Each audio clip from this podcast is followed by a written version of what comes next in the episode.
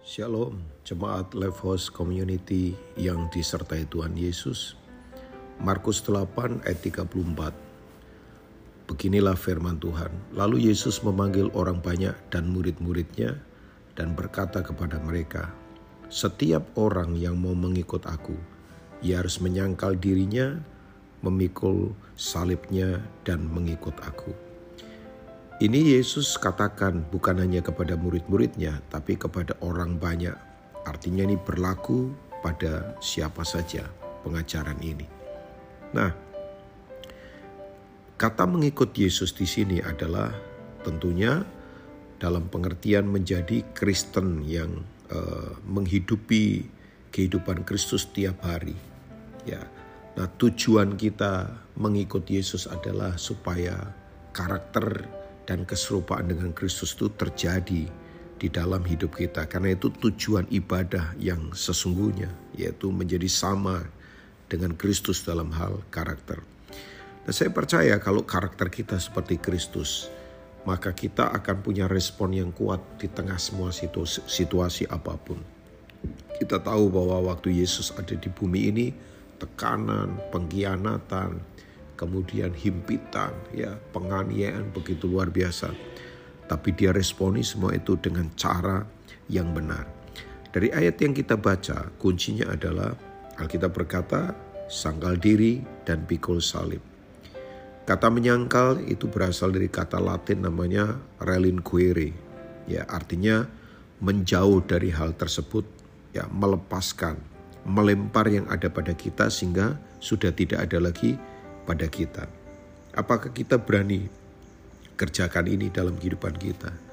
Bahwa kita melemparkan semua yang ada pada kita. Ya, gelar kita, rasa terhormatnya kita, ah, prestasi kita. Untuk sungguh-sungguh itu betul-betul diserahkan total kepada Tuhan. Ya.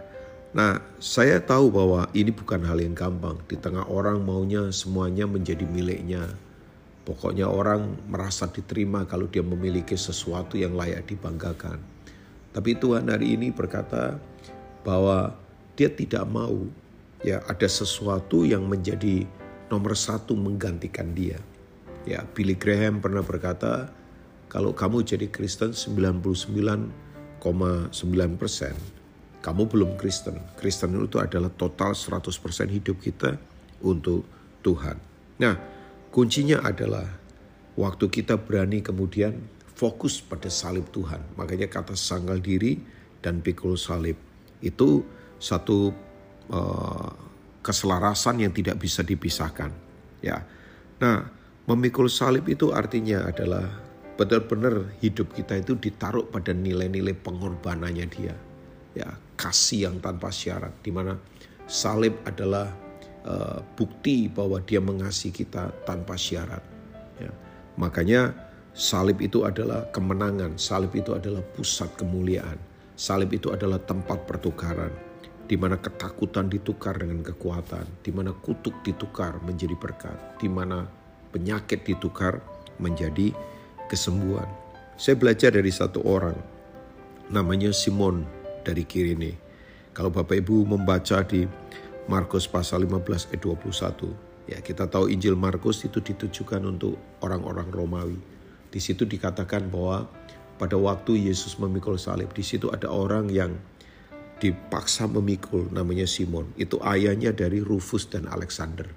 Nah, waktu Simon kemudian mau diperlakukan Tuhan semua maunya Tuhan karena dia berani sangkal diri dan pikul salib. Ya, orang yang Pikul salib adalah orang yang berani diperlakukan Tuhan semau maunya Tuhan. Sementara kalau orang tidak mau memikul salib atau sangat diri, selalu maunya memperlakukan Tuhan semau maunya dia. Pokoknya apa yang dia mau, dia harus dapat. Bapak Ibu tahu apa yang terjadi? Simon dan keluarganya itu menjadi orang-orang yang berdampak. Sebab Rufus dan Alexander itu adalah menjadi orang-orang yang mendirikan pergerakan rohani di kota Roma. Bahkan dalam Roma 16 ayat 13 dikatakan, Salam kepada Rufus dari Paulus, salam juga kepada ibunya yang bagiku adalah seorang ibu. Jadi nggak hanya anak-anaknya, istrinya menjadi ibu rohani dari seorang rasul besar namanya Paulus. Nah, saya ingin mengajak kita untuk kembali kepada prinsip ini. Walau ini perenungan sederhana dan ini tidak mudah dikerjakan kalau Roh Kudus tidak menguatkan dan menolong kita. Tapi saya percaya jemaat Levos adalah jemaat yang akan terus menyangkal diri dan pikul salib karena keserupaan dengan Kristus kita kejar menjadi yang utama. Tuhan Yesus memberkati.